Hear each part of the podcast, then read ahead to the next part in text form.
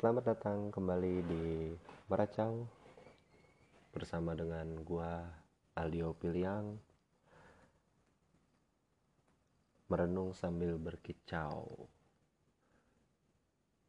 Uh, episode ini mungkin gua agak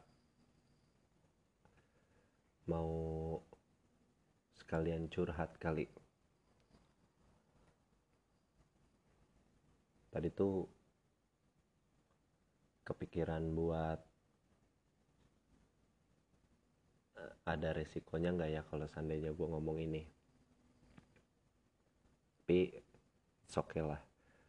Gue yakin um, itu nanti bisa di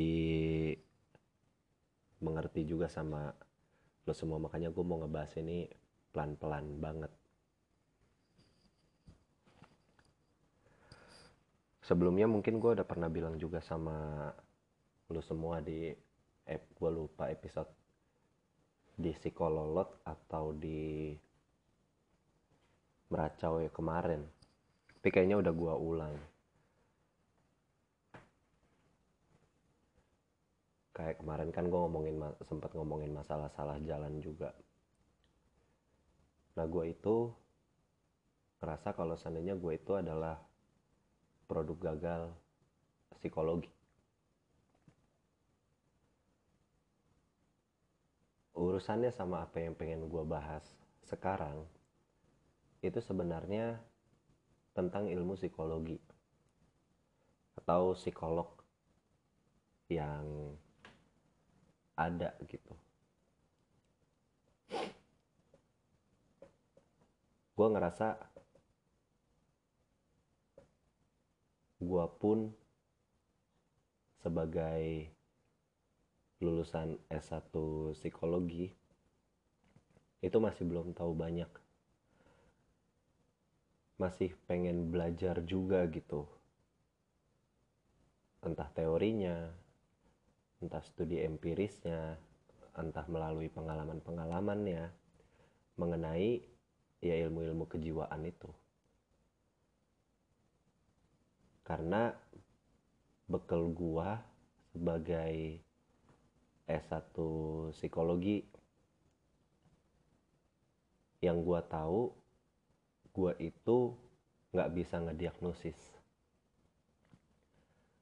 Belum mampu karena itu semua ada sertifikasinya ada license-nya dan ada juga uh, inilah uh, dapat persetujuannya juga lah dari pihak ya sudah pasti dari Kementerian Kesehatan juga atau dari lembaga tertentu yang menyatakan bahwa lu itu sebagai seorang psikolog. Nah, kalau gue kan cuma sarjana psikologi. Jadi ya gue agak ngeri-ngeri juga nih mau ngebahas tentang uh, psikologi itu. Tapi ya nggak apa-apa. Gue harap sih bisa sama-sama belajar juga ya pertanyaan yang pengen gue sampein ini itu terjadi. Dan itu ketakutan gue udah lama banget ketakutan jadi ketakutan gue waktu gue belajar psikologi juga atau setelah gue lulus juga. Orang-orang itu takut datang ke psikolog. Pertama karena khawatir dianggap uh, sakit jiwa gila punya gangguan mental. Atau sekarang lama-lama takut dianggap lebay. Jadi ketika ada orang punya masalah terus dia cerita sama temennya mau ke psikolog takut dianggap lebay.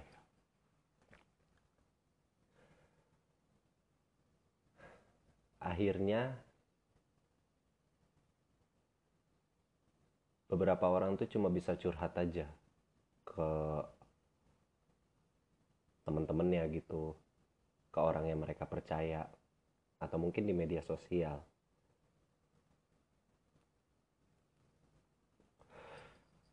Terus ditambah sama fenomena yang ada di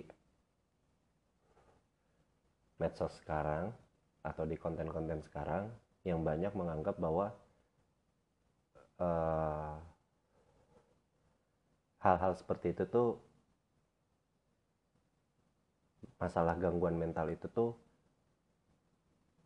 Gen Z aja atau anak-anak milenial aja yang terlalu lebay untuk mengidentifikasi sama ngeklasifikasinya.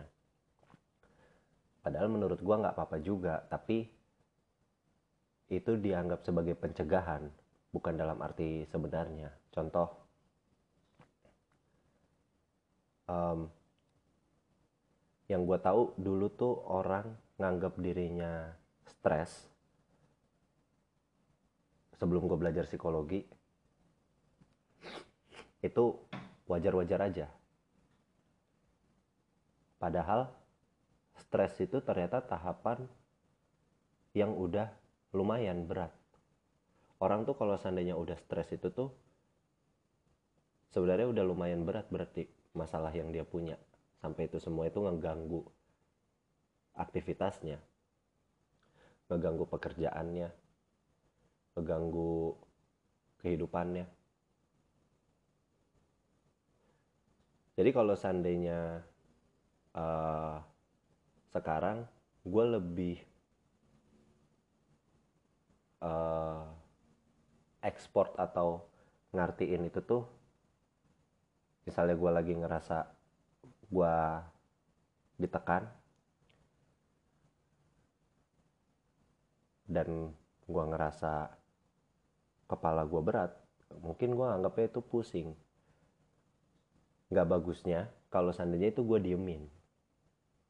Makanya tadi gue bilang diklasifikasiin sebagai stres tuh nggak apa-apa. Misalnya gue pusing sedikit nih kepala gue terus aduh gue stres banget nih. Nggak apa-apa tapi itu dianggap sebagai pencegahan. Kalau lo anggap itu sebagai diagnosisnya takutnya salah. Karena kan lo bukan ahlinya. Nggak bisa. Di psikologi itu juga ada yang namanya psikosomatis. Ketika lo ngerasain sesuatu di badan lo entah itu sakit entah itu udah aneh tapi ternyata pas dicek ke dokter itu nggak ada sakit fisiknya. Itu psikosomatis. Mempengaruhi akhirnya psikis lu itu mempengaruhi atau ngasih alarm ke badan lu tapi padahal badan lu nggak kenapa-kenapa. Itu adanya di psikisnya. Nah itu contoh-contoh yang kayak gitu tuh maksud gua um, bisa lu pakai buat pencegahannya aja tapi nggak usah diartiin terlalu dalam gitu. Udah gitu sekarang banyak yang nggak mau ke psikolog. Karena ada banyak banyak kasus juga dan ke spill di medsos. Psikolog-psikolog itu tuh melakukan tindakan asusila atau uh, pelecehan miris banget. Gue miris banget sih. Gue tuh kalau ngedengar kata itu tuh kayak trauma atau entahlah. Ini satu kesempatan nanti gue juga cerita.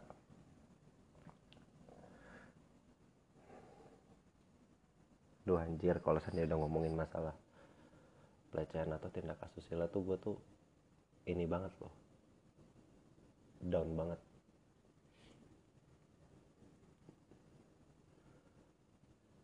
Um, mereka pada nggak berani ke psikolog akhirnya. Karena nggak percaya hilang tuh trustnya mereka. Walaupun gue bilang nggak semuanya tapi oknum-oknum itu tuh anggap kalau seandainya mereka itu tuh psikolog dan menjadi orang yang ngebantuin mereka mereka kan harus ya yang punya masalah kejiwaan. Tapi di sini gue nggak tahu ya mau niat gue tuh tuh mau ngelurusin atau ngebela si psikolognya atau memang ngebela si orang-orang yang nggak mau ke psikolog ini satu-satu ya. Gua juga butuh psikolog. Walaupun gua itu adalah sarjana psikologi. Ya kan pastinya kayak gitu ya.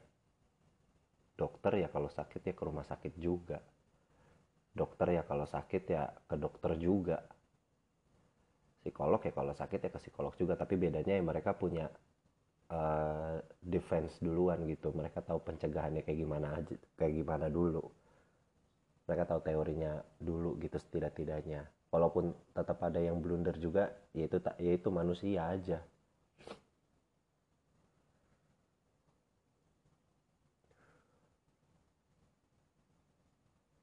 Buat lo semua yang gak mau datang ke psikolog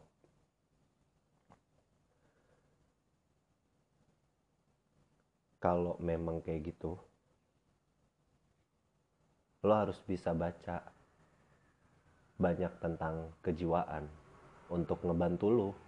Bukan buat uh, bukan buat gimana gimana tapi buat ngebantuin lo agar lo tuh bisa ngelakuin pencegahannya dulu. Walaupun memang lo nggak nggak harus ke psikolog. Nah cuman ya sekarang tuh rumit lu misalnya pencegahan yang gue maksud tuh curhat ngobrol sama orang cerita sama teman-teman atau orang yang lu percaya kayak tadi gue bilang juga Nah, ketika curhat, ini juga disampaikan di beat stand up ya Panji Pragiwaksono waktu itu ya. Agak bingung juga walaupun lu itu udah ngelakuin curhat ke orang yang lu percaya nih. Tapi kadang-kadang orang-orang ini tuh dibilang jadi pendengar yang baik bisa, cuman ternyata masalah dia lebih berat. Dan akhirnya tuh dia curhat balik ke diri lu yang sebenarnya dulu, diri lu ini itu butuh solusinya dulu. Atau minimal butuh kupingnya aja dulu. Nah tiba-tiba masalah dia lebih berat. Nah yang kayak gitu kan jadinya ke counter ya aduh masalah dia lebih gede dari gue. Walaupun juga ada beberapa orang yang ketika ada di dalam kondisi yang kayak gitu itu orang mikir oh ternyata nggak cuma gue yang sakit sendirian ada orang yang punya masalahnya gede juga. Itu kalau seandainya individunya punya penerimaan diri yang bagus. Kalau seandainya ada beberapa orang yang penerimaan dirinya tuh masih rendah yang ada dia malah makin sedih. Karena ditambah lagi masalahnya. Atau enggak ketemu sama orang yang overthinking kali ya atau emosional banget gitu. Mungkin bisa jadi nangis atau sedih atau malah jadi mikirin masalah orang. Padahal diri dia tuh punya masalah. Itu fungsinya psikolog jadinya harus kayak gitu. Harus datang ke psikolog. Harus cek. Harus ngobrol. Harus konsul. Beberapa psikolog atau lembaga tuh di cover kok sama BPJS datang aja. Nah kayaknya ya anak-anak S1 psikologi ini atau mereka yang belum terlicense sebagai seorang psikolog itu nggak apa-apa lu datengin juga buat curhat ngobrol. Nah, pastinya mereka tuh satu dua orang dari mereka yang dari latar belakang pendidikan psikologi itu tuh ngerti.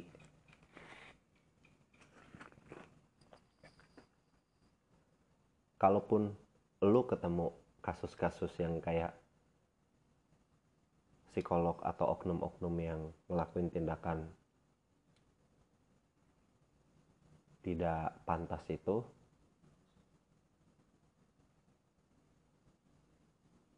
ya anggap aja manusia.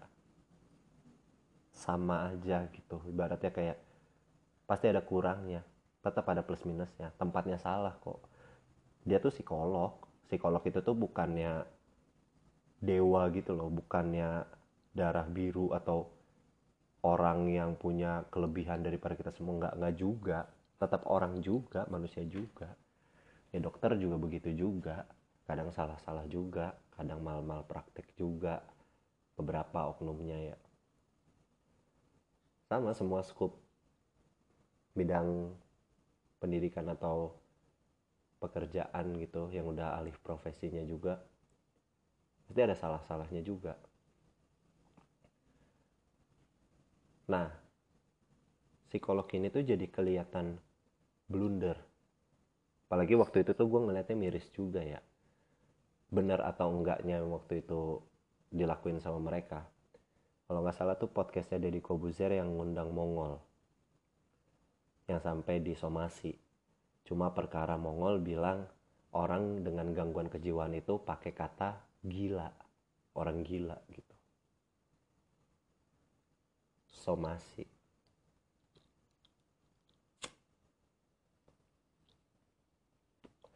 Menurut gua nggak apa-apa juga harus ya. Nggak perlu apa kayak gitu kan pikir gue jadi emang kok kayak gini ya? Gue tuh dulu tuh sampai kepikiran kayak psikolog adalah profesi yang tabu deh di Indonesia.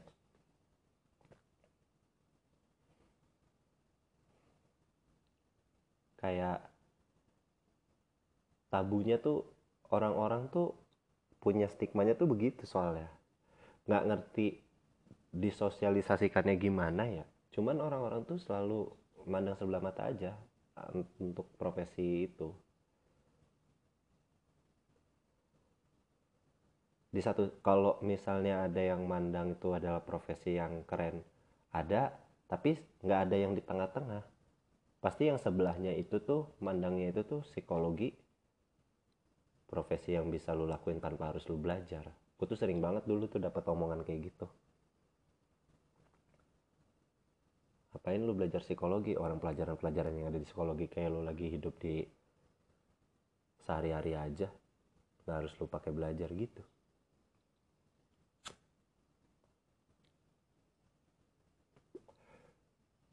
Ngeremehin. Nggak usah harus sampai ngeremehin psikologi. Gue yang belajar psikologi aja juga menganggap gue tuh produk gagal. Jadi apalagi yang belum nyemplung apalagi yang nggak tahu apalagi yang nggak punya awareness tentang psikologi itu.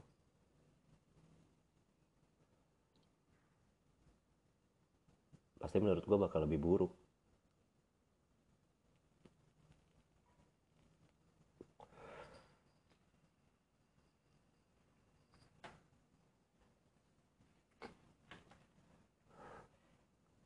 gue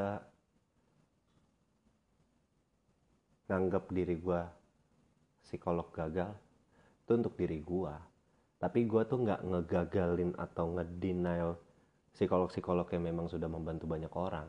Apalagi yang uh, Profesor Sarlito.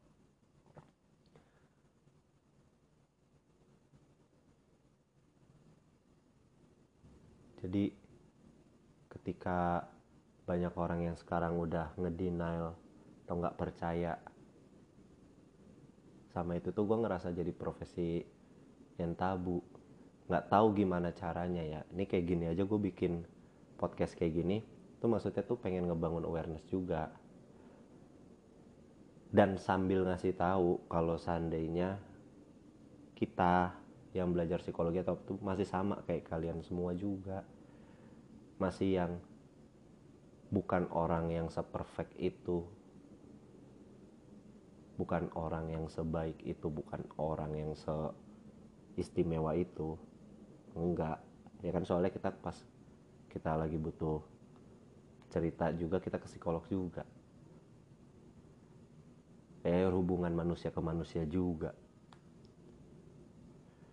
Nah kalau seandainya lo akhirnya ada trust issue di situ. Itu yang harus dibenerin. Nah buat teman-teman psikolog yang lainnya juga kalau bisa ya apa ya oh jangan ngerasa paling benar walaupun lu itu tuh seorang psikolog lu masih manusia. Mungkin Nabi aja dulu tuh nggak ngerasa diri dia paling benar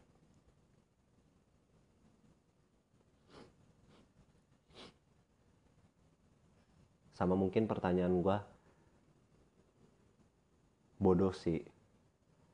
Tapi gua pengen tahu jawabannya juga. Ini sama sebenarnya buat uh, tenaga-tenaga kesehatan juga ya. Sama lah kalau psikolog juga ya kesehatan jiwa kan. Gue pengen tahu dah. Lu semua itu tuh bekerja sebagai profesi atau nyari duit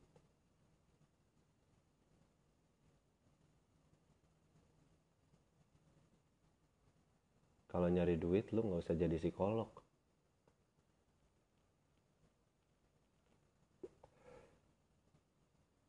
Nggak usah.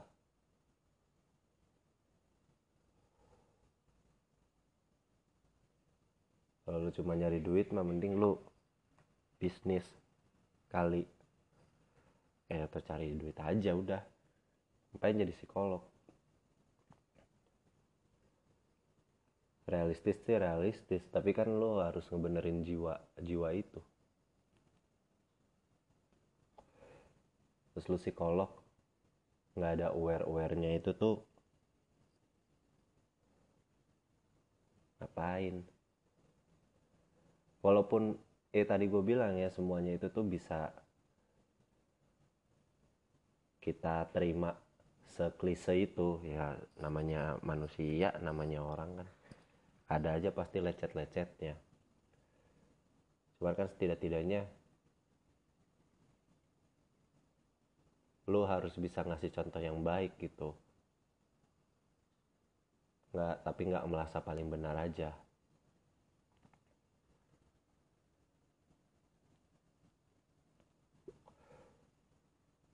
Dan jangan ngedepanin tarif. Gue masih agak nggak ngerti konsepnya dah masa iya sih kita kalau seandainya curhat itu tuh kita mau ketemu psikolog itu tuh harus atur waktu.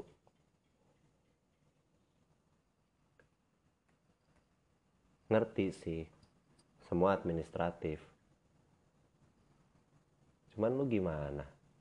Kalau seandainya ada kendala orang itu tuh mau commit suicide tuh di hari itu.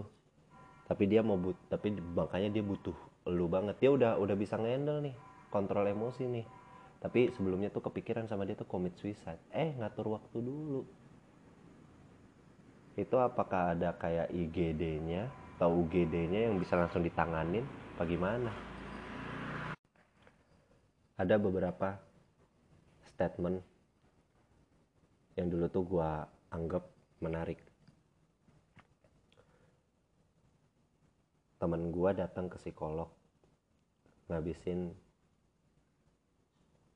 uang sekali ketemu apa dua kali ketemu gitu kisaran 500 ribu sampai 1 juta. Ketemunya ketemu psikolognya itu tuh 30 menit.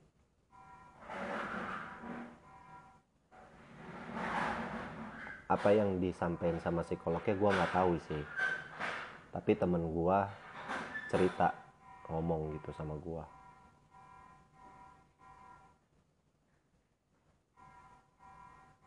temen gua tuh bilang gini ngapain ya gue capek-capek ke psikolog?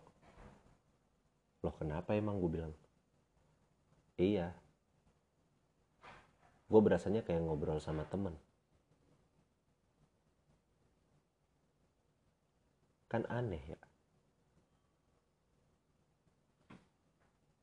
Bisa si psikolog tuh sampai jadi kayak temen lu aja tuh menurut gua keren kan orang asing dia. Gak pernah ketemu lu. Tapi bisa sampai ngobrol sampai seolah-olah jadi kayak temen lu kan keren. Kenapa jadi lu remehin?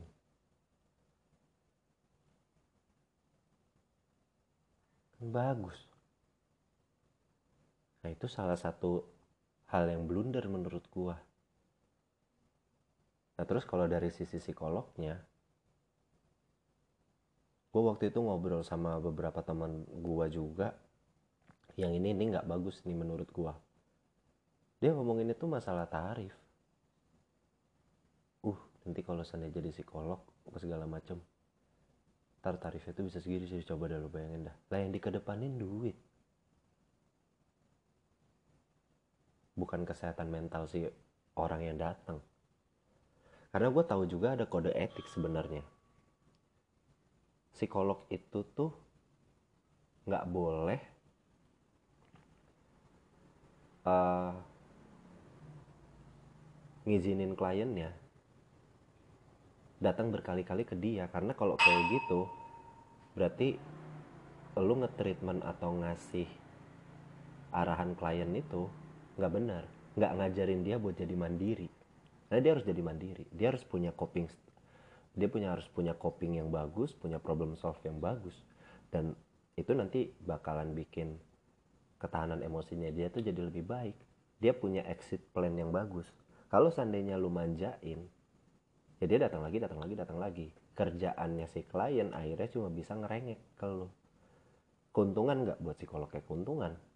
Tapi kan nggak bagus jadinya bikin pribadi orang manja. Apa-apa tuh ngomong sama lo apa-apa tuh curhat apa-apa tuh ngerengek apa-apa tuh ngambek.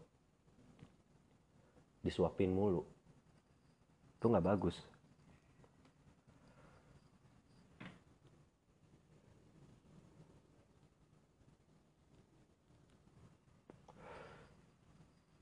Ini juga pengen gue sampein. Makanya tadi gue sempat mikir-mikir juga apakah ini bisa jadi resiko atau enggak tapi ya nggak apa-apa lah. Gue gua gua rasa tujuan gue logis rasional sama tepat lah.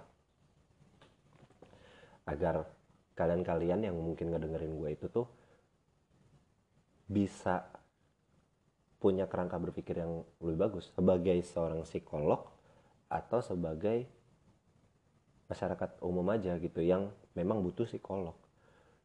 Dan oknum-oknum yang kayak gitu tuh nggak bisa kalian hindari pun psikolog-psikolog ini tuh manusia juga. Sama ya psikolog-psikolog ini tuh nggak usah didewain juga. Tapi tetap lo butuhin. Positifnya tuh itu. Itu sebenarnya bagaimana cara kita mandang nggak ribet aja nggak positif. Karena kalau terlalu ngasih hal negatif ya ntar jadinya kayak seolah-olah tuh nggak lu nggak butuh mereka padahal profesinya ada.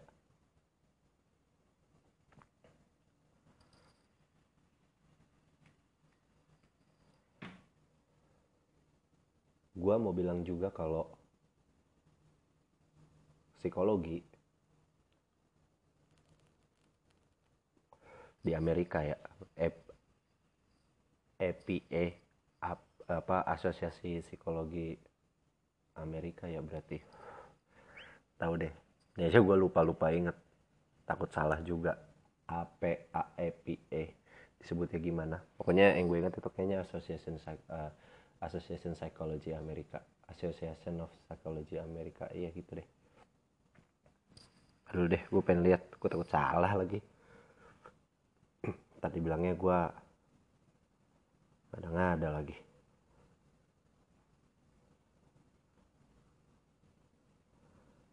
EPA psikologi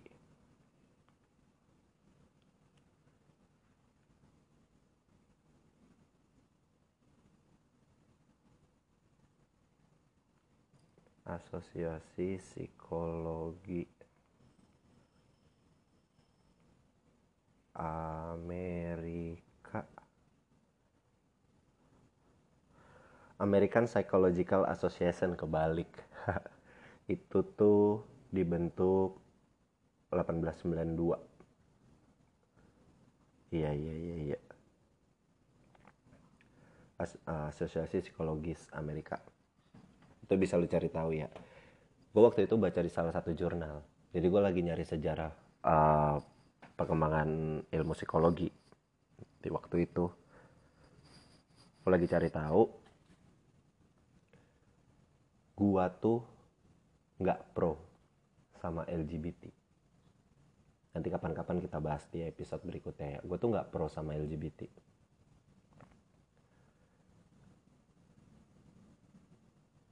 Tapi gue sepakat kalau mereka nggak perlu ditindas manusianya LGBT-nya aja kalau manusianya jangan kenapa gue bilang LGBT-nya aja? Karena sampai sekarang menurut gue itu masih sebuah penyimpangan. Nggak bisa. Ngomonginnya love ngomonginnya uh, apalagi ya mereka ngomongin humanity? Ya udah nggak usah LGBT aja ya ngomongin love atau humanity aja udah. Ya kan? Soalnya kalau udah ngomongin love gua waktu itu kalau nggak salah juga pernah bilang kalau ngomonginnya love itu tuh banyak banget uh, pilarnya. Ada intim ada passion ada komitmen lah ada passionnya ini yang gua ngerasanya aneh kalau seandainya itu tuh diterjemahin atau dipakai sama sorry sorry tadi kepotong.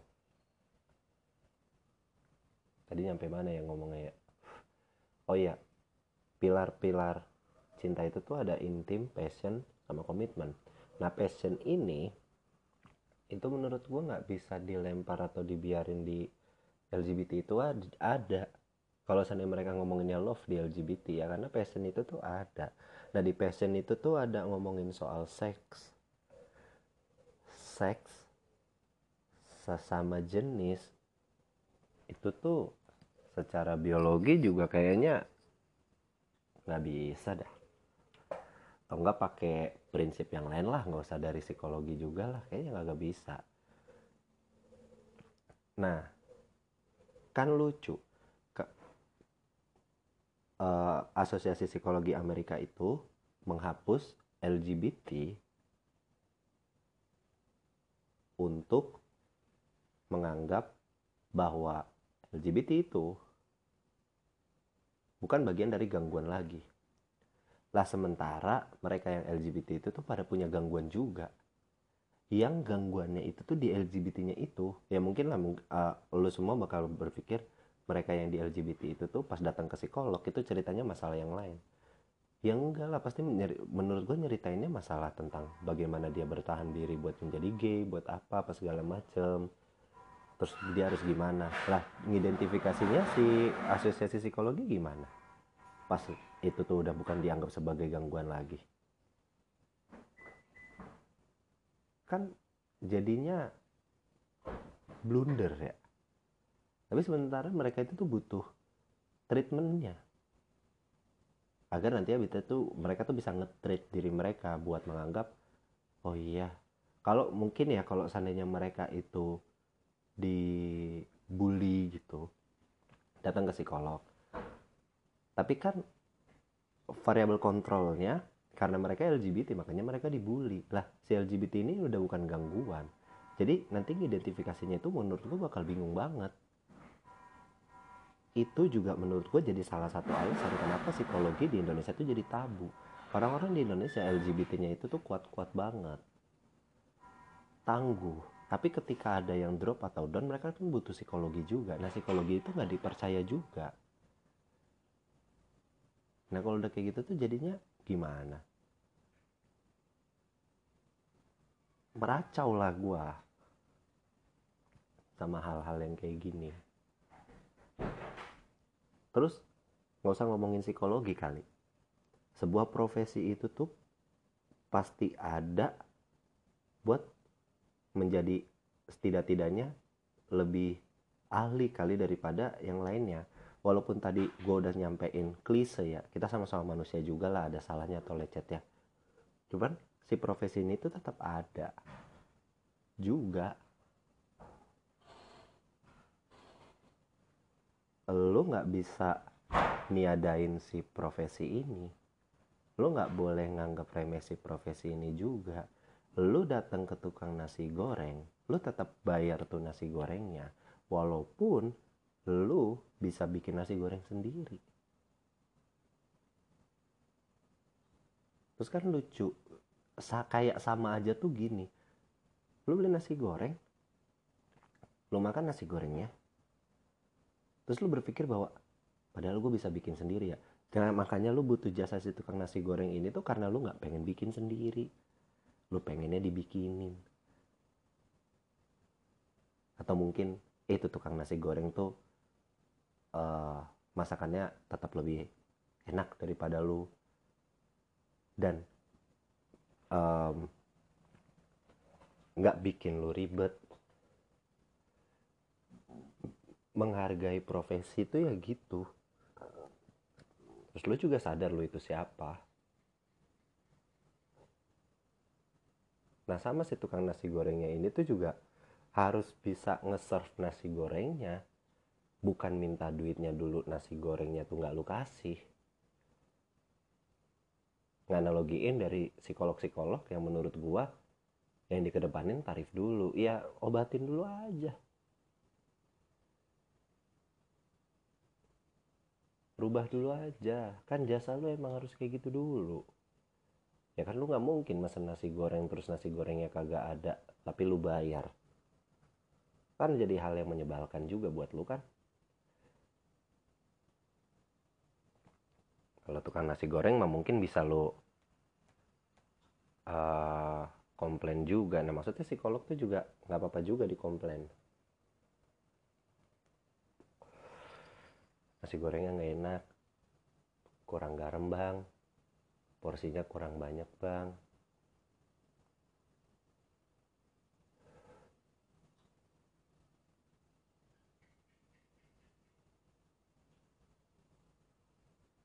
gitu sih. Nah, lanjut lagi sedikit tadi ya bilang kalau seandainya gua adalah orang yang nggak pro LGBT ngomonginnya penyimpangan seksual. Itu harusnya sama orang-orang psikologi itu tuh juga masih dianggap gangguan. Tapi ya mungkin karena kiblatnya ke Amerika atau asosiasi paling besar itu tuh ada di sana dan udah dihapus juga ya cuan kita tuh cuma bisa ke situ. Sedikit mungkin kalau seandainya LGBT itu tuh dibahas itu tuh soal HAM ya. Ya gimana ya? HAM itu kan sebenarnya mengacu ke hak asasi manusia agar mereka dianggap manusia juga. Ya kayaknya LGBT juga dianggap manusia kok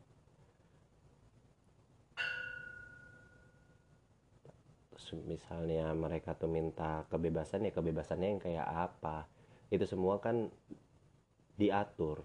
HAM itu tuh diatur sama si pemerintah pemerintahnya. Nah kalau seandainya Indonesia itu memang tidak bisa mengatur itu ya nggak akan bisa. Ya makanya lu jangan jadi LGBT di sini. Kalaupun lu jadi LGBT di sini makanya gue sepakat juga lu orang-orang kuat lu orang-orang tangguh. Mungkin lu lebih cocok di luar nggak di Indonesia nggak ngusir tapi justru itu tuh ngasih saran Nah kalau seandainya kalian-kalian yang LGBT juga itu tuh ngerasa itu adalah sebuah hal yang gak nyaman buat kalian, ya mungkin kalian pikirin lagi juga, Terus ngomong juga ke psikolognya. Tapi ya tadi lah meracau-meracau ini itu tuh bikin semua itu jadi berbelit.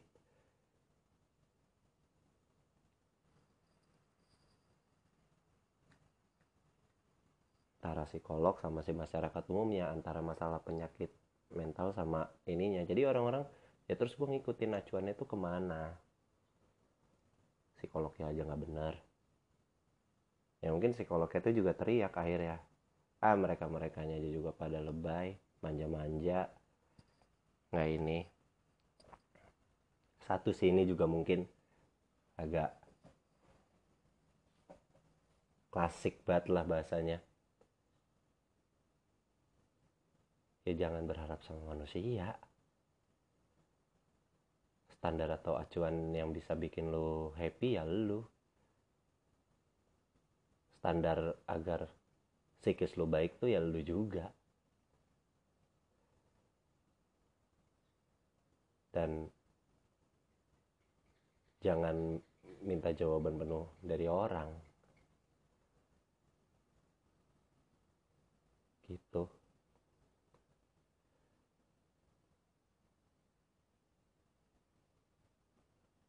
agak agak agak beresiko ya apa yang gue sampein dari tadi ya. Cuman itu gue pengen banget ngomongin ini.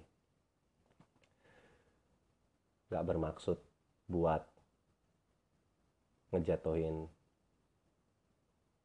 pendidikan yang gue ambil juga dari dulu.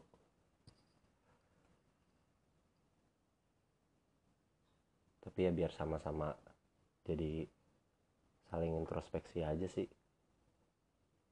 Keluhan gue ya mungkin kalau seandainya gue datang ke psikolog gue bakal ngomong ke psikolog ya. Menurut ibu atau bapak atau mas atau mbak bagaimana sih caranya biar saya bisa ketemu psikolog yang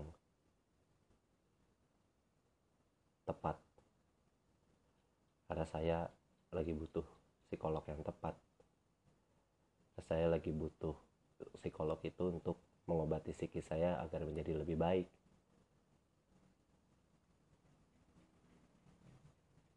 Saya butuh teman cerita yang tepat. Saya butuh kajian psikologi yang tepat juga buat saya. Saya harus apa? Karena saya ngehandle psikis saya. Mungkin itu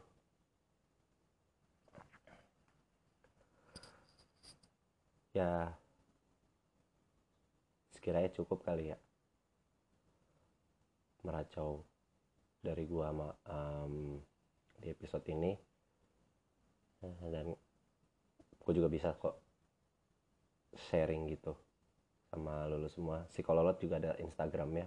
Bisa sharing sama gue atau bisa langsung ke instagram gue juga. Aldio Piliang cari aja sampai ketemu di episode selanjutnya. Dadah